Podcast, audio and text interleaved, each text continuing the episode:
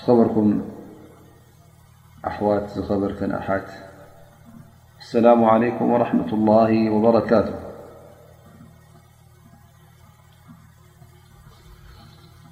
ل إن شاء الله تعالى حدش قستخنتا ت طع درسن شرح رياض الصالحين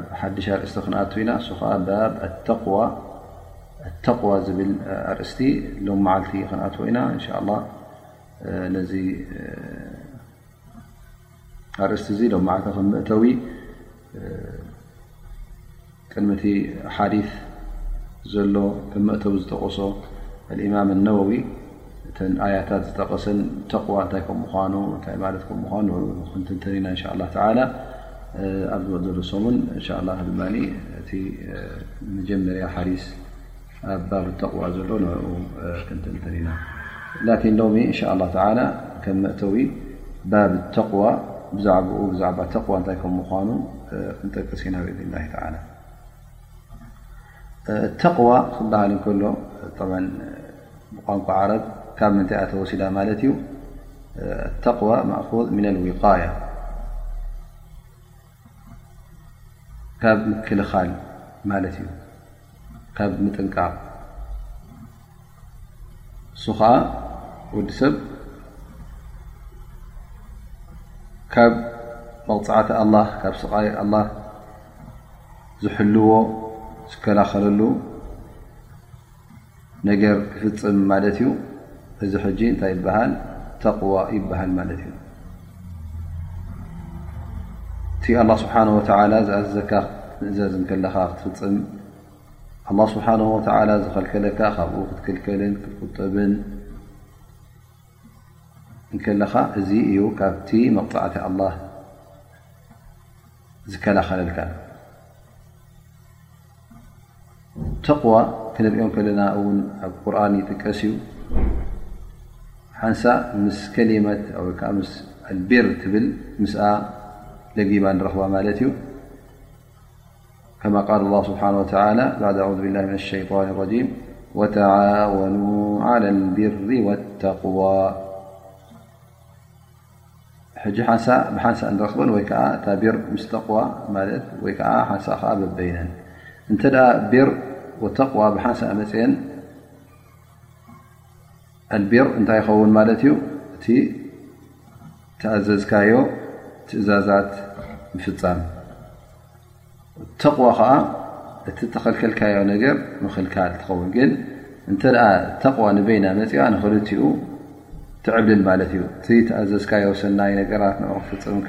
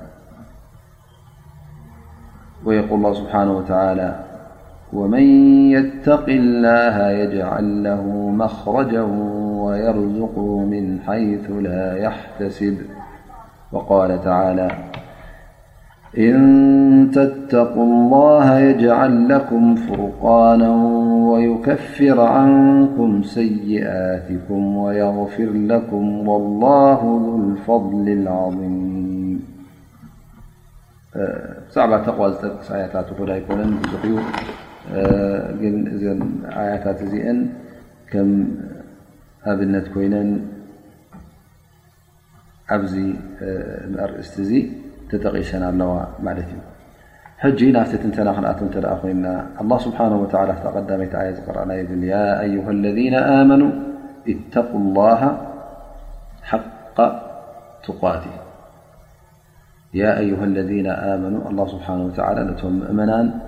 ፍልይ ኣቢሉ ፀዊዑ ኣንቱም ምእመናን ንኣላ ስብሓን ወተላ ብሓቂ ተቕዋ ግበርሉ ኢኹም ብሓቂ ተጠንቀቕዎ ኢኹም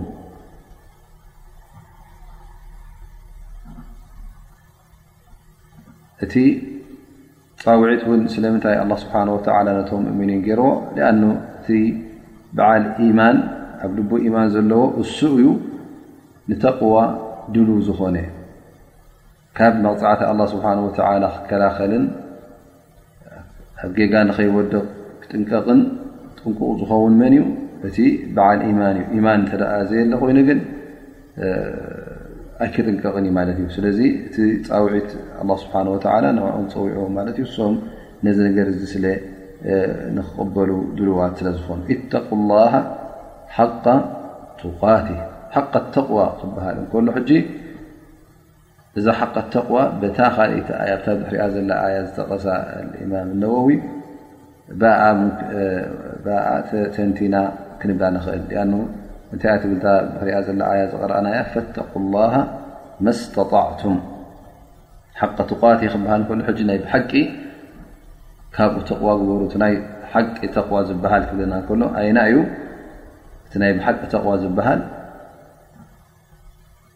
ብዝከኣለካ መጠን ንኣላ ስብሓን ወተላ ትእዛዛቱ ከተኽብርን ከለኻ ላ ስብሓ ላ ዩከልፍ ላ ነፍሰ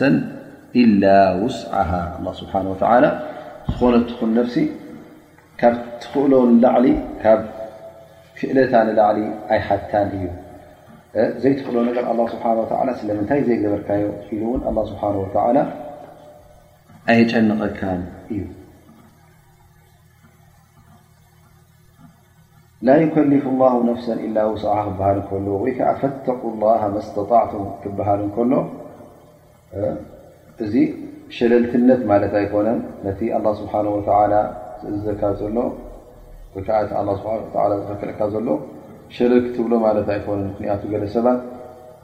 እንተ እዚኣ ስለምንታይ ደይ ትገብራ ኣላ ስብሓን ወተላ ከምዚ እዝዝ እንድዩ እዚ ጌጋ ዩ ክትብሎም ከለኻ ፈተቁላ መስተጣዕቱም እንድዩ ላ ይከሊፉ ላ ነፍሰ ኢላ ውፅዓ ኢሉ ጃ ገብረልካ ማለት እዩ ካተዓካ ሕጂ እሱ እንታይ እዩ ነቲ ትእዛዝ ሸለል ንኽብል ኢሉ ዩ ዳኣ እምበር ካልእ ኣይኮነን ስለዚ እዛ ኣያ እዚኣ ናይ ሸለልትነት ኣይኮነትን እንታይ ደኣ ብዝከኣለካ መጠንሲ ነቲ ትእዛዝ ኣላ ስብሓን ወተላ ንኸተተግብር ማለት እዩ ኣይ ላ ተደኽሩ ውስኣን ፊ ተቅዋ ላህ ላ ተደኽሩ ውስኣን ፊ ተቅዋ ላህ ማለት ካብቲ ዝከኣለካ ዓቕሚ ከተትርፍ የብልካ ኩሉ እቲ ዓቕምኻ ብኡ ክትፍፅም ኣለካ ማለት እዩ ሊኣን ላ ስብሓን ወተዓላ ካብ ዓቕምኻ ንላዓሊ ኣይሓተካን እዩ ካብዚ ኣያ እዚኣ ድማ ፈተቁ ላሃ መስተጣዕቱም ትብል እንታይ ንጥቀም ወዲ ሰብ እንተ ሓደ ነገር ዘይክእሎ ኮይኑ ማለት ነቲ ኣላ ስብሓን ወተዓላ ዝኣዘዞ ብምሉኡ ሙሉእ ዘይጉዱ ገይሩ ክፍፅሞ እንተ ዘይክእል ኮይኑ እታ ትከኣሎ ይገብር እታ ትከኣሎ ይፍፅም ማለት እዩ ስለዚ ነቢ ስለ ላ ሰለም ንዕምራን እብን ሑሴን እንታይ ኢሎ እሞ صሊ ቃኢማ ፈእን ለም ተስታጢዕ ፈቃዒዳ ፈእን ለም ተስታጢዕ ፈዓላ ጀም እነቢ ስለ ላ ሰለም እዚ ሕጂ ሰላት ክሰግድ እንከለኻ እንተ ደኣ ክኢልካ ደው ኢልካ ስገድ እንተዘይከኣልካ ከዓ ደኺምካ ሓሚምካ ኣለካ ማለት እዩ ክትስኣይ ከለካ ኮፍ ኢልካ ስገድ እንተዘይከኣልካ ከዓ ብጎቦ ኮይንካ ስገድ ፈነቢ ስ ሰለም ሕጂ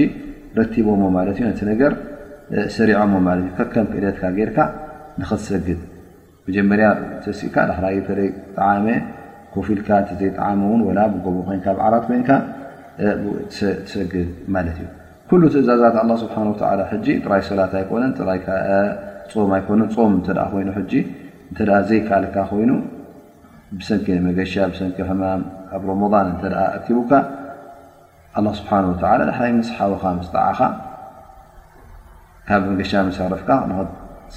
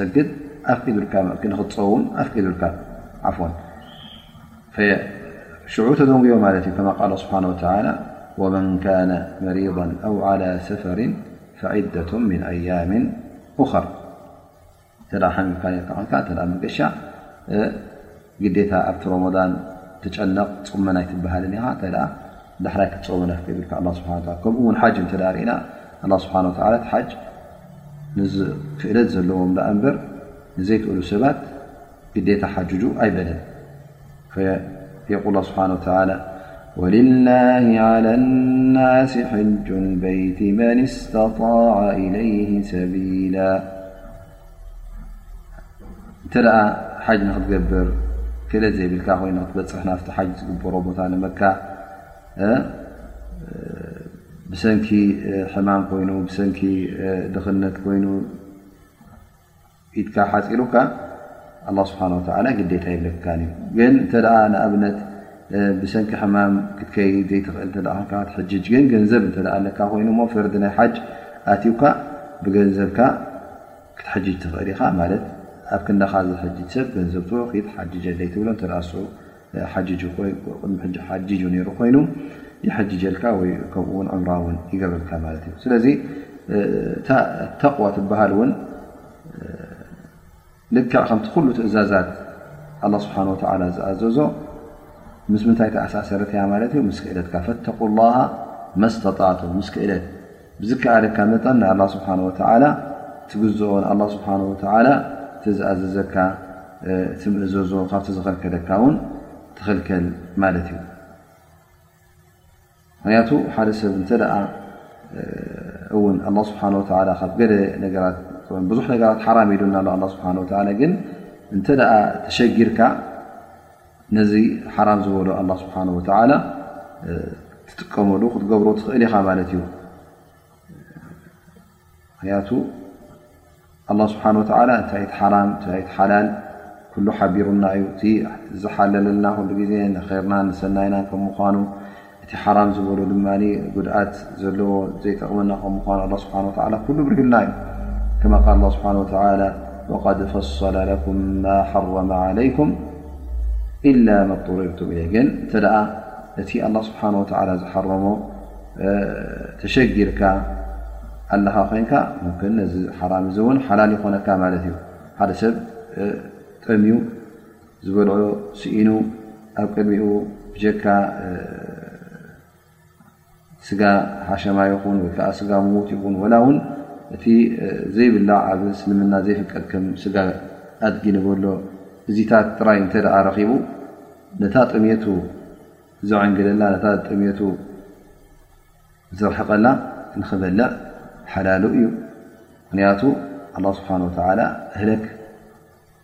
ጥፋእ ኣይብለካን እዩ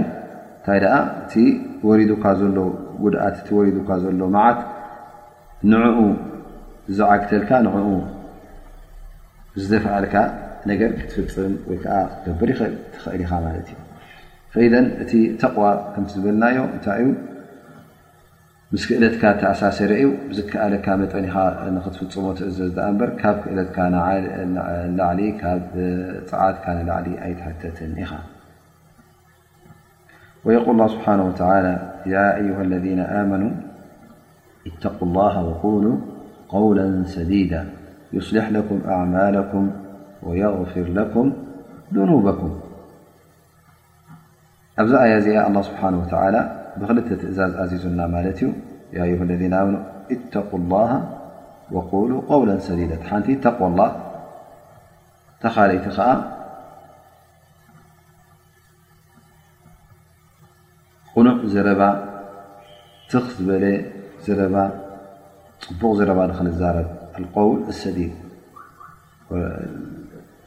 ጠብዓ ተቕዋ እንታይ ከም ምዃና ጠቒስና ኢና ሕጂ ላኪን ኣብዛ ኣያ እዚኣ ተቕዋ ምስኣ እንታይ ተጠቒሳ ኣላ ማለት እዩ ወቁሉ ቀውላ ሰዲዳ ወልቀውሉ ሰዲድ ይብሉ ኣየናይ እዩ እቲ ቅኑዕ ዝኾነ ቃል ማለት ሓሶት ዘይብሉ ቅኑዕ ኸይር ዘማለኤ ንኣብነት ዚክር ናይ ሊላህ ስብሓን ወተዓላ ኣላ ስብሓን ወተዓላ ዚክር ዘለዎ ዕልሚ ትዕለመሉ ፍቕሂ ትወስደሉ ኣምር ብልማዕሩፍ ትገብረሉ ናሃይ ዓን ሙንከር ንፅቡቕ ትእዝዝ ካብ እከይ ትኽልክል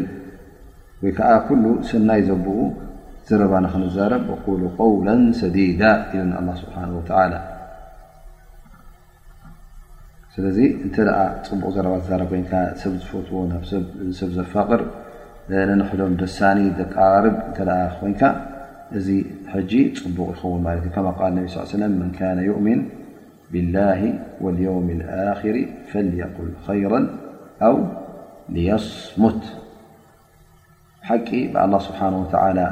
ዝኣምንን ብመዓልቲ ምፅኣት ዝኣምን እንተደኣ ኮይን ኮይኑ ሓደ ሰብ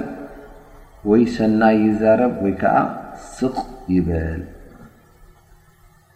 ኣዛ ስቕ ዓባይ ነገር እያ ማለት እዩ ወይ ካብ መልሓስካ ጥዑም ክወፅእ ኣለዎ ወይ ከዓ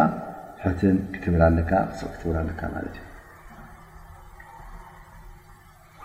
ስለዚ እቲ ኣልኮል ስዲ ዝበሃል ቅኑዕ ዘረባ ማለት እዩ ኣንፃሩ እንታይ እዩ ጌጋ ዝኾነ ዘረባ ክትዛረብ ዘይቅኑዕ ዘረባ ዘይከውን ሓሶት ዝኣመሰሉ እዚ ኩሉ ክትዛረብ ማለት ኩሉ ሰዲድ ኣይኮነን ቅኑዕ ኣይኮነን እንታይ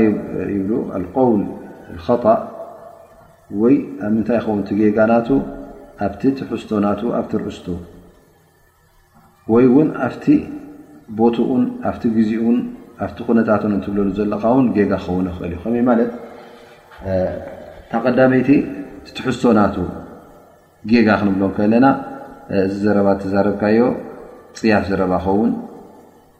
ፀርፍን ሕሜታን ምብፅፃሕን ዘለዎ ዘረባ እተ ኮይኑ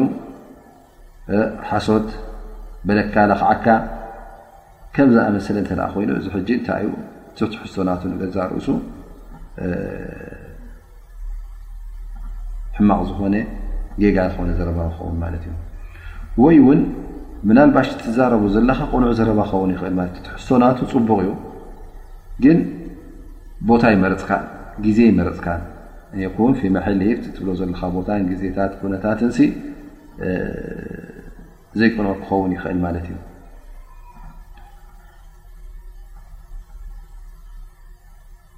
ንኣብነት ሓደ ሰብ እንተ ጌጋ ክፍፅም ርኢኻዮ እስኻ ጌጋ ትገብር ኣለኻ ሙንከር ትገብር ኣለኻ ንክትብሎ ፅቡቕ እዩ ግን እንተ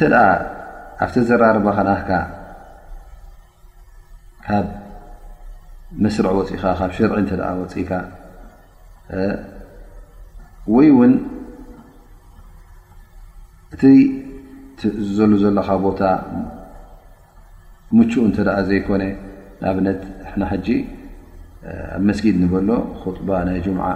ባ እናተገበረ ከሎ ክትዛረብ ይብልካ ኹጥባ ኢማም እናኸጠበ ከሎ ሰብ ክዛረብ የብሉን። ሕጂ እንተ ሓደ ሰብ ኣብ ኹጥባ እናተሰምዐ ከሎ መፅኡ ነቲ ኣብ ጥቕኡ ኮፍ ኢሉ ዘሎ ያ ፍላን ኢሉ ነሲሓ ክቦ እንተ መፅኡ ከምዚ ከም ትገብርካ ፅቡቕ እዩ እዚ ነዚ ረቢ ይፈትዎ እዩ ክብሎ እንተ ጀሚሩ ኹጥባ እናተኸጠቦ ከሎ እኮ እዩዙ እተ ከምዚ ክገብር ኮይኑ እወ ትዛረቡ ዘሎ ዘረባ ሕጂ ቅኑዕ ዘረባ ዩ ሕማቕ ዘረባ ኣይኮነን ረቢ ዝፈትዎ እዩ ላኪን ኣብዚ ሰዓት እዚ ንኸይዛረብ ክልኩል ስለ ዝኾነ እንታይ ይኸውን ማለት እዩ ቦታ ኣይመረፀን ሰዓት ኣይመረፀን ሕጂ እቲ ቆል ትዛረቦ ዘሎ ቆል ሰዲድ ቅኑዕ ዘረባ ክበሃል ኣይከኣልን እዩ ወላ ው ትሕዝትኦ ቅኑዕ ይኹን ላኪን ቦታ ስለ ዘይመረፀሉ ኩነታት እቲ ግዜ ስለ ዘይመረፀ ቅኑዕ ኣይኮነን ማለት እዩ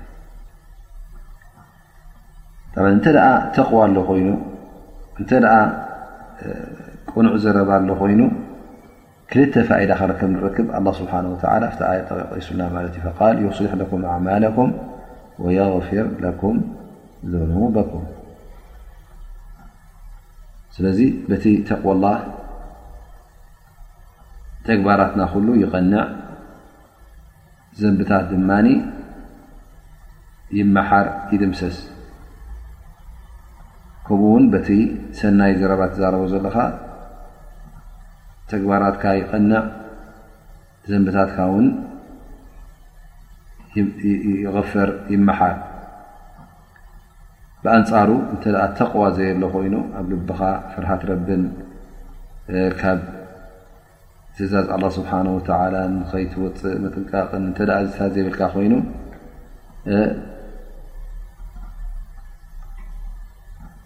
መልሓስካ ድማ ፅቡቕ እተ ዘይውፅእ ኮይኑ ተግባራትካ እውን ኣይክዕረይን ማለት እዩ ዘንብኻ እውን ኣይክመሓረልካን እዩ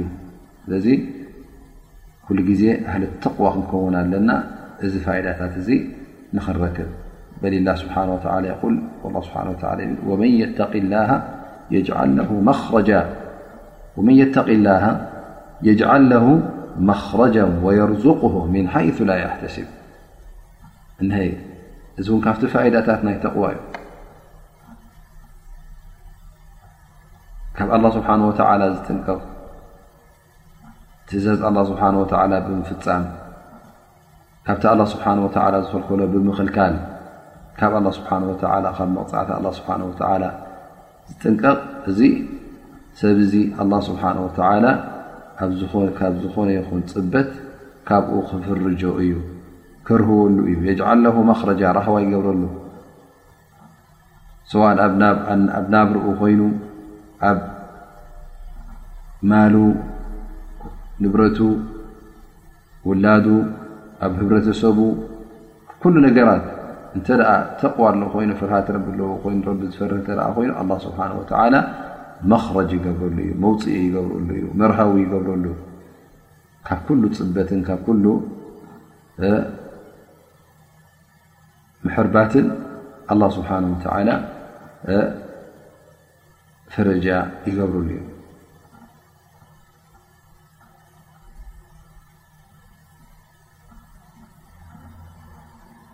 እዚ ከምዚ ዝብል ዘሎ መን እዩ ኣላ ስብሓን ወተላ እንተ ከምኡ ኢሉና ድማ ክንኣምን ኣለና ኣን ኣላ ስብሓን ወላ ኩን እንተ ኢለ ዝኾነ ነገር ይኸውን ስለ ዝኾነ ስለዚ ኣላ ስብሓን ወላ እንተ ደኣ ተቕዋ ጌይርኩም መውፅኢ ክገብርልኩም ስለ ዝበና ዘሎ እሞ ኩሉ ግዜ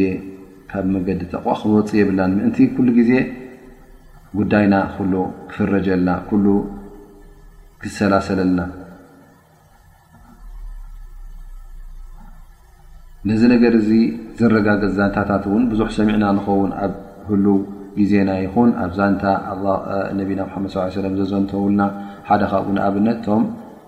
ሰለስተ ሰባት ኣብ በዓቲ ኣትዮም እሞ ካብ ማይ ከጽልሉ እንከለዉ ነቲ በዓቲ እምኒ ብላዕሊ ጸዲፋ ኣፍ ደገ ናይቲ በዓቲ ከም ዝዓጸወቶም ኣብቲ ዛንታ ነቢ ስለ ላሁ ለ ወሰለም ጠቒሶምና ማለት እዩ እዞም ሰባት እዚኦም ካብዚ በዓት እዚ ዘውፅኦም እንታይ ነይሩ ወደ ሓንቲ ናይ ሰብ ሓይሊ ነቲ እምኒ ክደፍ ዝኽእል ኣይነበረን እንታይ ገይሮም ናብ ምን ናብ ኣላ ስብሓን ወተዓላ ተወጅሆም ኩሎም በቲ ሰናይ ተግባራት ዝፍፅሞ ዝነበሩ ናብ ረቢ ስብሓን ወተዓላ ድዓ ገይሮም ኩሉ ዋሕድ ምንም ደዓ ብሳልሒ ዓመሊ ካብቲ ሰናይ ዝገብሮ ዝነበረ ተግባራት ንዕኡ ጠቒሱ ኣንታ ረቢ እዛ ነገር እዚኣ ዝገበርክዋስ ሊላ ሂለ ስለ ዝገበርክዋ እሞ እስከ ብሰንካ ካብዚ ወሪዱና ዘሎ ፅበት ፈርጀልና ኢሉ ኩሎም ብብወገኖም ዱዓ ምስ ገበሩ እቲ ዱዓ ምስ ገብረ እቲ ቀዳማይ ቁሩብ ፈርከት ኢላ እቲ ካልኣይ ዱዓ ምስ ገበረ ከምኡ ኢሉ ቁሩብ ፈቐቕ ኢላ እቲ ሳልሳይ ዱዓ ምስ ገበረ ውን ኣዐርያ ፈቐቕ ኢላ ከም ድወፁ ውን ተኸፊታትሎም ማለት እዩ እዚኦም ሕጂ ኣብ ዓብዪ ሽግር ኣብ ዓብዪ መዓት እዮም ወዲቖም ነይሮም ካብዚ መዓት እዚ ካብዚ ሽግር እዚ ዘውፅኦ እንታይ ነይሩ ማለት እዩ እቲ ቅድሚ ሕጂ ዝገበርዎ ሰናይ ተግባር ኮይኑ ማለት እዩ መን የተቂላ ሕጂ የጅዓል ለዎ መክረጃ ነዚ ኣረጋጊፀትና ማለት እዩ ስለዚ ተቅዋ ላ እንተ ኣለካ ኮይኑስ ናብራኻ ክፀበካ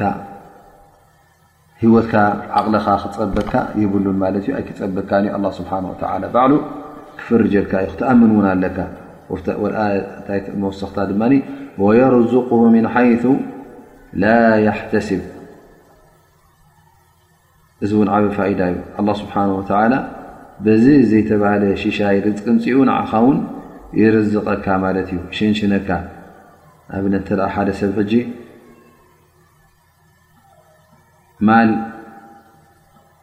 ብመገዲ ሓራም ይበልዕ እዩ ይኸስብ እንተ ኢሉ ኮይኑ ሰብ እና ኣጠበረ እናቐሸሸ ይኹን ወይ ውን ሓረጣ እናበልዐ ይኹን ወይ ውን ቁማር እናተፃወተ ይኹን ወይ ከዓ ከም ዝኾነ ይኹን ማለት ብረቢ ዘይፈትዎ ረቢ ዘየፍቀዶ መገዲ ብኡ ገንዘብ ይኸስብ የእቱ እንተ ነሩ ኮይኑ እሞ እዚ ሰብ እዚ ዝገብሮ ዘሎ ጌጋ ምስ በረሃሉ ነዚ ጌጋ እዚ ገዲፉ እዚ ገንዘብ ዘእትወሉ ዝነበረ ረቢ ዘይፈትዎ ስራሓት እንተ ገዲፉ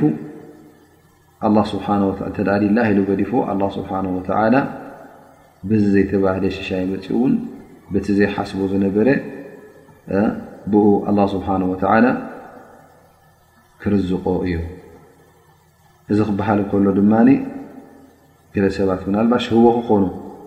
ኣለዉ ሰባት ኣብ ሓራም ዘለዎ ቦታ ስራሕ ነይርዎም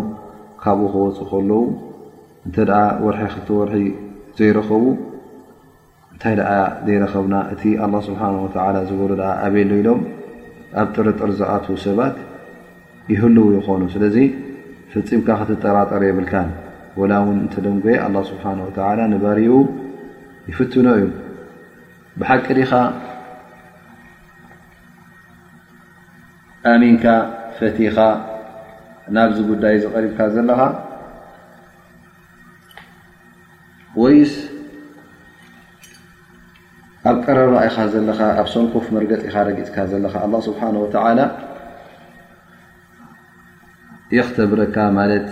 ይምርምረካ ይፍትነካ እዩ እዚ ፈተና ድማ እስኻ ትዕወተሉ ወይ ውን ኣይትዕወተሉ ስለዚ ወርሒ ዶንግያ ክልተ ወርሒ ኢልካ ክትፅበ የብልካን ተስፋ ውን ክትቆርፅ የብልካን ኣበይ ኣሎ እቲ ርዝቂ እንታይ ኮይኑ ደንጉዩ ክትብል የብልካን በል ግን ተፀበ ብርግፅ ውን ኣላህ ስብሓን ወተዓላ ናይ ብሓቂ ክዕውደካ ከም ምዃኑ ክትርስዕ የብልካን።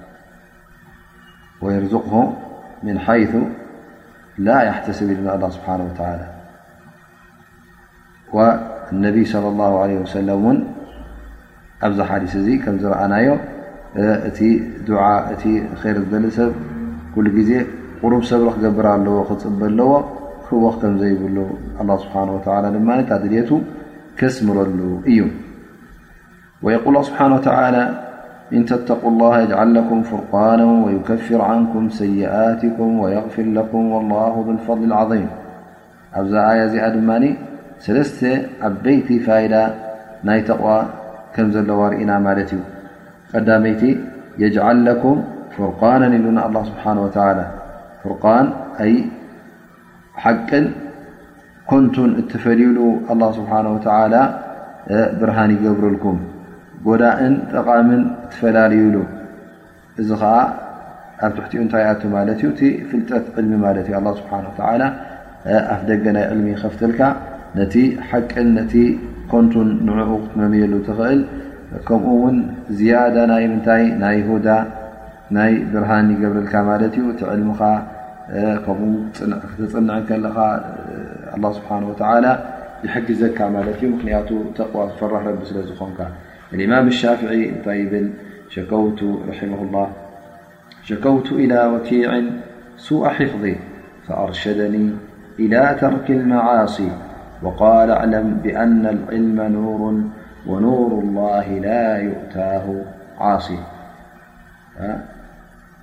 ኢማም ሻፍዒ እዛ ግጥሚ እዚኣ ነቲ ሸክ ናቶም ጠሪዖም ማለት እዩ ወኪዕ ዝበሃል ነይሩ ሸይኮም ይብሎም ኣንታ ሸክ ወኪ ኣነስ ሕፍዚ ናተይ ትመፅናዕቲ ናተይሲ ደኺሙ እንታይ ኮይነ እየ ኢለ ምስ ጠራዕኩ እዚ ሸኽ እዚ እንታይ ድዩ መልሰለይ ማዕስያ ግደፍ ኢኻ ምኽንያቱ እቲ ዕልሚ ኑር ናይ ኣላህ ስብሓን ወተዓላ ስለ ዝኾነ እቲ ኑር ኣላህ ድማ በዓል ማዕስያ ኣይረኽቦን እዩ ስለዚ ማዕስያ ትገብር ከይትህሉ ማዕስያ ግደፍ ኣላህ ስብሓን ወተዓላ ብሓቂ ናይቲ ዕልሚ መንገዲ ናይ ሕፍዚ ክኸፍተልካ እዩ ኢሎሞ ማለት እዩ ስለዚ ርግፅ ወዲ ሰብ እውን እተ ዕልሚ እናበዝሐ ኮይዱ ፍልጠት እናስፍሐ እተ ኮይኑ ነቲ ሓቂን ነቲ እከይን ዝመምየሉ ፍልጠት ስለ ዝረኸበ ሓቂን ኮንቱን ጠቓምን ጎዳእን ነዚ ነገራት እዚ ዝመምየሉ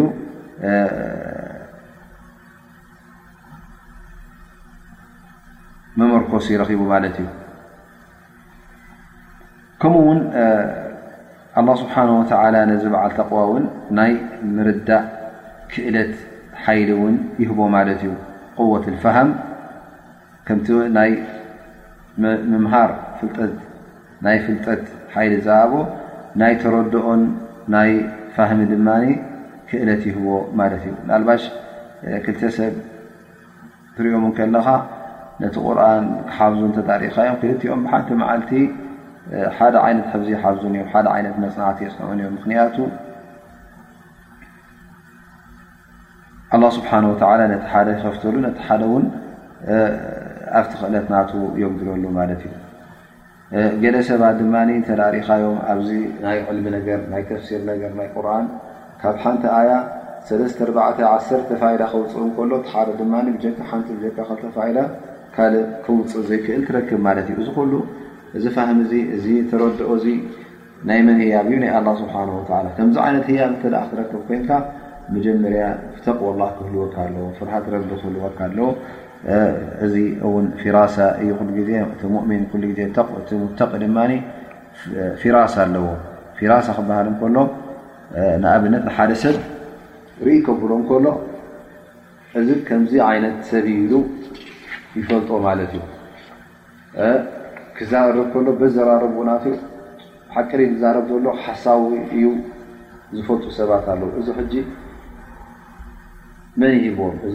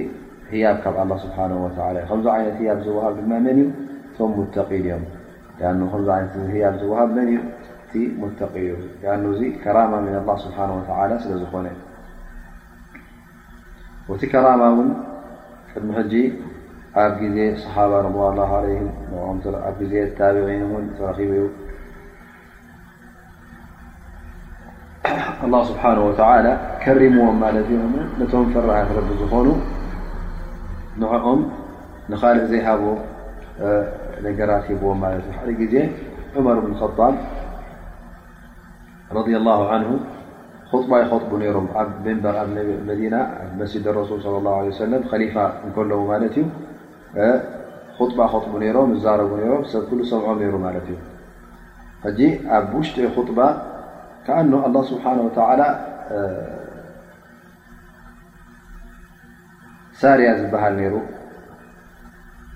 እዚ ሳርያ እዚ እንታይ ዩ ሰብ ዩ ማለት መራሒ ናይ ሰራዊት ነይሩ ማለት እዩ ሕጂ ኣብ ኩናት ዩ ኣትዩ ነይሩ ኣብዛ ሰዓት እዚ ኣብታ ክጥባ እንታይ የብል ማለት ዩ ያ ሳርየተልጀበል ያ ሳርየተልጀበል ማለት ኦሳርያ ነቲ ጎቦ ቀጥታ ናብ ጎቦ ናብ ጎቦ ይብል ማለት እዩ ሕጂ እቶም ዝሰምዑ ዝነበሩ ፍትኹማ እንታይ ደኣ ኮይኑ እዩ ሳርየት ኣልጀበል ብል ኣበይ ዘሎ ሳርያ እዩ ኣበይ ዘሎ ጎቦ እዩ ኢሎም ተገሪሞም ማለት እዩ ሕጂ እዚ ኣብ ውሽጢ መደረ ዝገብሮ ዝነበረ ዳሕራይ ከመይ ገይሩ ተፈሊጡ ማለት እዩ ሳርያ ዝበሃል መራሒ ናይ ሰራዊት ነይሩ ኣብቲ ሰዓት እቲ ኣብ ኩናት ኣትዩ ነይሩ ማለት እዩ እዚ ኣበይ እዩ ኣብ ራቅ ኣበይ ነይሩ እዙ ኣብ ዒራቅ እንከሎ ተረኸበ ማለት እዩ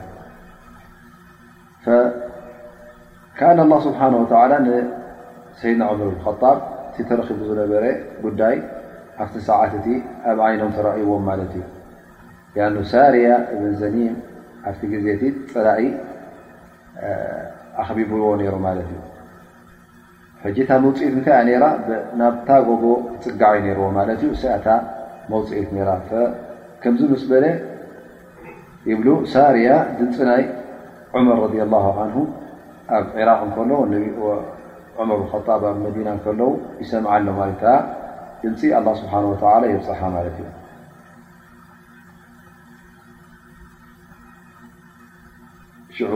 ከምታ ዝሰምዓ ናብታ ጎቦ ተጸጊዑ ብኣኣ እውን ካብቲ ዝነበሮ ሒሳር ወይ ከዓ ካብቲ ተኸቢብዎ ዝነበረ ክወፅእ ማለት እዩ ዳሕራይ ምስ ተመለሰ ንመዲና ኣብ ከምዝኣመሰ ድምፂ ናይ ዑመር ሰሚዑ ከምዚ ገይረ ኢሉ ምስ ተዛረበ እቲ ሰብ ኣብ መዲና ዝነበረ እታ ሰይድና ዑመር ኣብታ ኹጥባ ዝበልዋ ዘረባ ከራማ ከም ምዃነት ካብ ኣላ ስብሓን ወተዓላ ተፈሊጣ ይብሉ ማለት እዩ። ስለዚ ከምዚ ዓይነት እዚ ከራማ ዝወሃብ ድማ መን እዩ? እቲ ፈራህ ረቢ ክኸውን ከሎ ተቕዋ ክህልዎ ከሎ ኣላ ስብሓን ወተዓላ ከራማ የውርደሉ ማለት እዩ።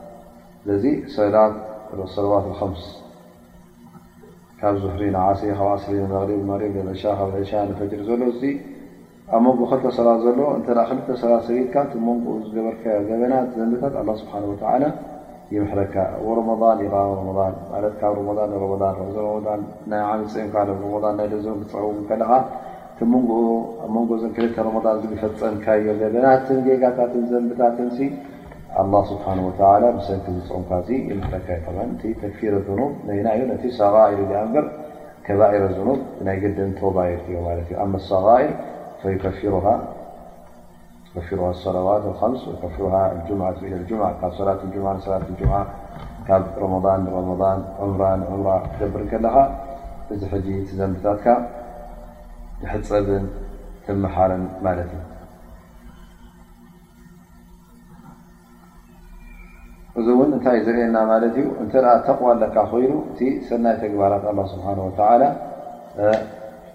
የቃልለልካ የብዝሓልካ ማለት ዩ ንኡ ክትገብር ምን ዘንብኻ ንክሕፀበልካ ሰናይ ተግባራት ትገብሮ ማለት እዩ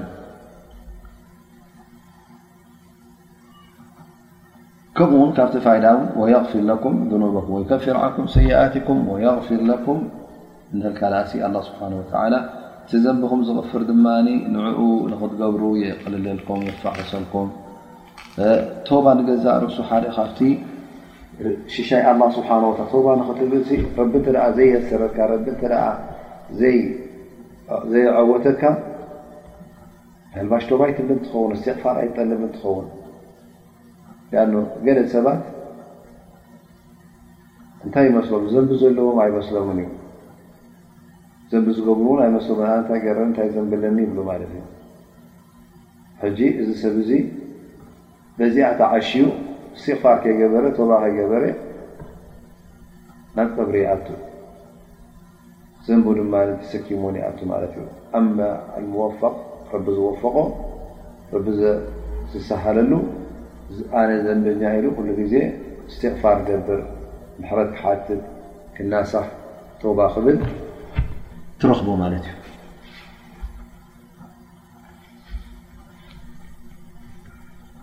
ወላ እንተ ኣነስ ኣብ ፅቡቅ ኣለኹ ትብል እንተ ኮይንካ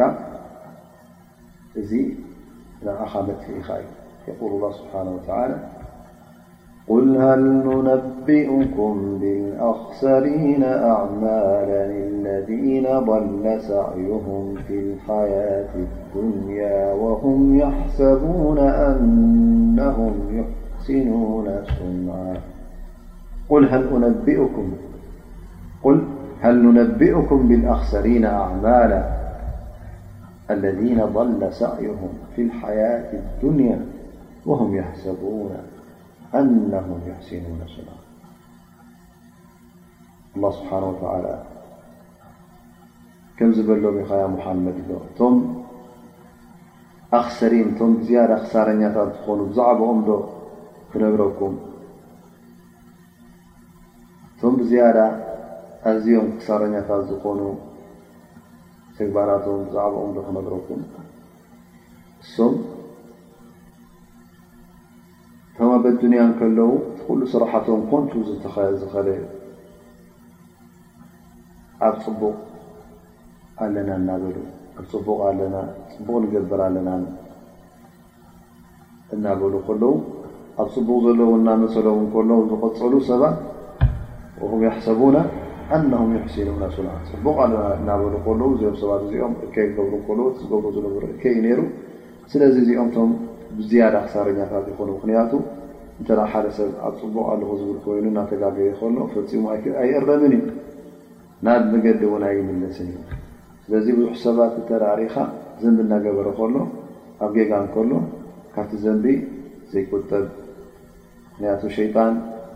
ካብ ዝገብራ ዘሎ ፅቡቕቲ ኢሉ ስለዘታለለ ወልዕያድብላ እቲ ጥፍኣትን እቲ ዘንብን ድማ ስለ ዝለመዶ ካብዚ መንገዲ እዚ ነብሱ ንኸልዕል ኣይክእልን ላኪን እተ ቁሩብ ተቕዋ ነይርዎ ኮይኑ ፈራህ ረቢ ነይሩ ኮይኑ ኣላ ስብሓን ወተላ ነዚ ነገር እዚ መቃለለሉ ነይሩ ዘንቡ መቐፍረሉ መሓሮ ናብ ኸይሩ ንመርሖ ነይሩ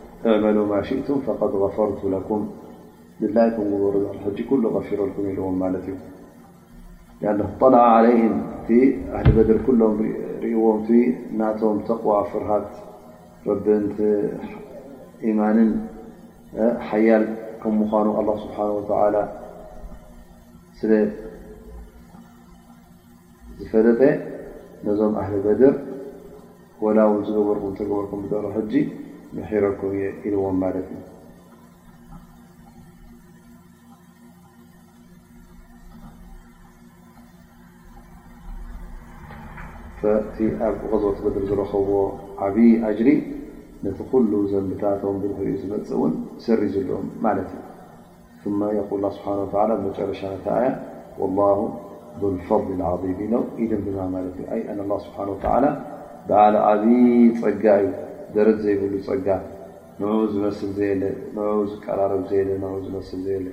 ኣላህ ስብሓን ወተዓላ እዚ ካብ ኮነ በዓል ዓብዪ ፀጋ ካብ ኮነ እቲ ተቕዋ ድማ እቲ ፍርሃት ረቢ ግዴታ ክህልወና ኣለዎ ካብ ጎይታና ካብ ኣላ ስብሓን ወተዓላ ኩሉ ግዜ ክንፍርህ ኣለና ትእዛዛት ኣላ ስብሓን ወተዓላ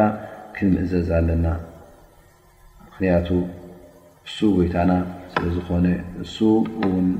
ስለ ዝኣዘዘና ብትእዛዛቱ ቀጢልና ክንከይድ ከለና ንሕና ኢና ንነፍስና ንጥቀም ደኣ እምበር ኣላ ስብሓን ወተላ ገንዩ ንዓና ኣላ ስብሓን ወተላ ካባና ዝደልዮ ነገር የለን ኣላ ስብሓን ወተላ ሙሉእ ዘይጉዱል እዩ ሃብታም እዩ ስለዚ ንሕና ኢና ካብኡ ንፅበ ዳኣ እምበር ኣላ ስብሓን ወተዓላ ካባና ዝፅበዮ ነገር ፈፂሙ የለን ስለዚ እታ ተቕዋ ክትበሃል ከላ ፍርሃት ረቢ ክትበሃል ከላ ካብ መቕፃዕቲ ኣላ ስብሓን ወተዓላ ንጠንቀቕ ክበሃል እንከሎ እዚ ንዓና እዩ ረብሑኡን ጥቕሙን ደኣ እምበር ንኻልእ ኣይኮነን ላሁ ስብሓን ወተዓላ ኣዚና ፈራሃት ረቢ ኮይና ኣዚና ተጠንቂቕና እንውስኸሉ ነገር የብላን እቲ ናቱ ዕብትን ናቱ ክብርን ናይ ኣላ ስብሓን ወተዓላ ንሕና ኣኽቢርናዮ ካብቲ ዝነበሩ ክብሪ ካልእ ወሲኽናዮ ማለት ኣይኮነን ንሱ ኣላ ስብሓን ወተዓላ ንሕና ነኽብሮ ኣይነኽብሮ ብነብሱ ባዕሉ ክቡር እዩ፣ ብነብሱ ባዕሉ ምሉእ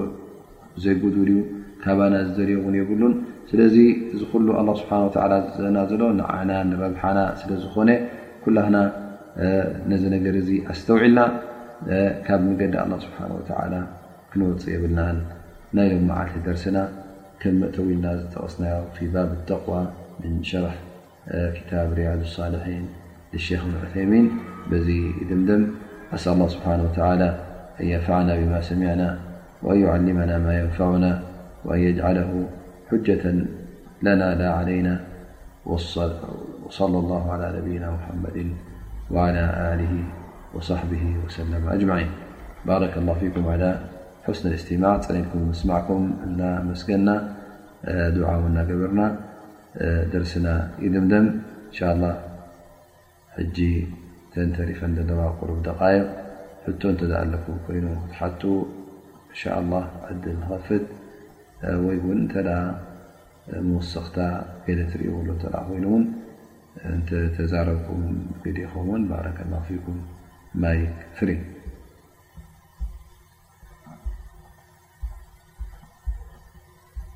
ተቕዋ ክበሃል እንከሎ ከምቲ መጀመርያ ዝጠቐስናዮ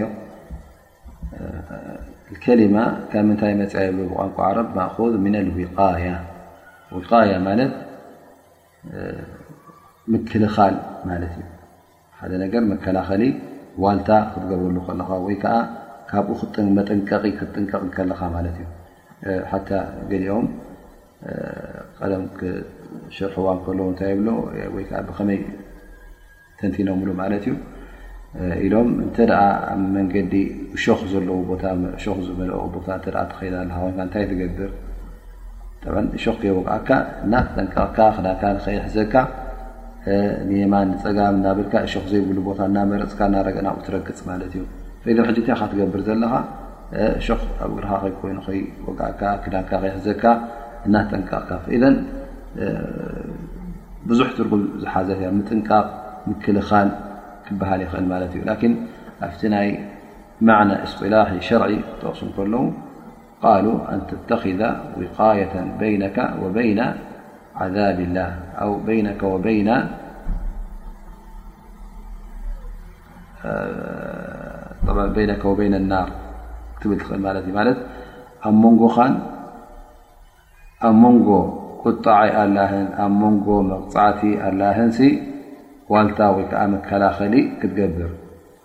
እዚ ተቕዋ ይበሃል ይብሉ። ስለዚ እዚ ዋልታ እዚ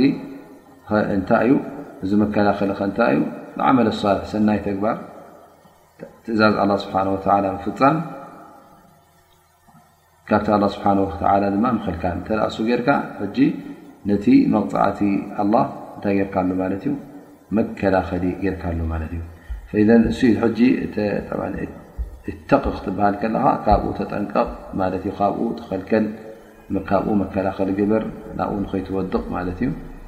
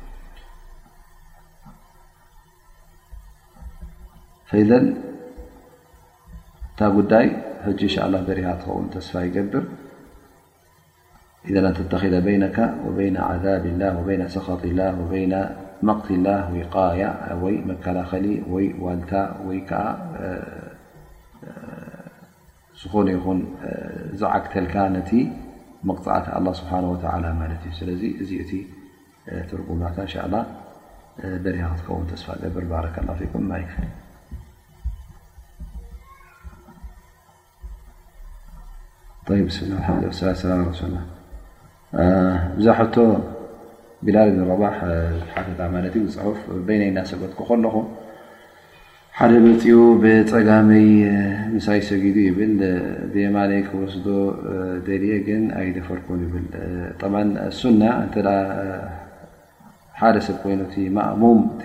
ኢማም ምስ ኢማም ዝሰግድ ብየማኑ መፂኡ ምስኡ ተሰሪዑ ዝሰግድ ማለት እዩ።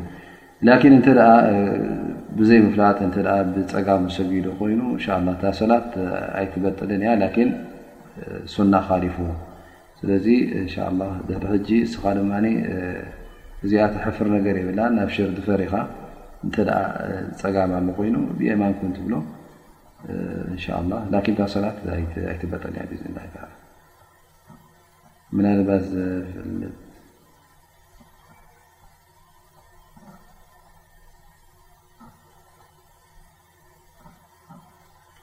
ዘይፈልጥ እተ ኮይኑ ሻ ማፊሸ ባረካ ላ ፊክ ከምታ ዝበልናያ ዘይፈልጥ ሰብ እተ ኮይኑ እታ ሰላት ኣይትበጠን እያ እንሻ ላ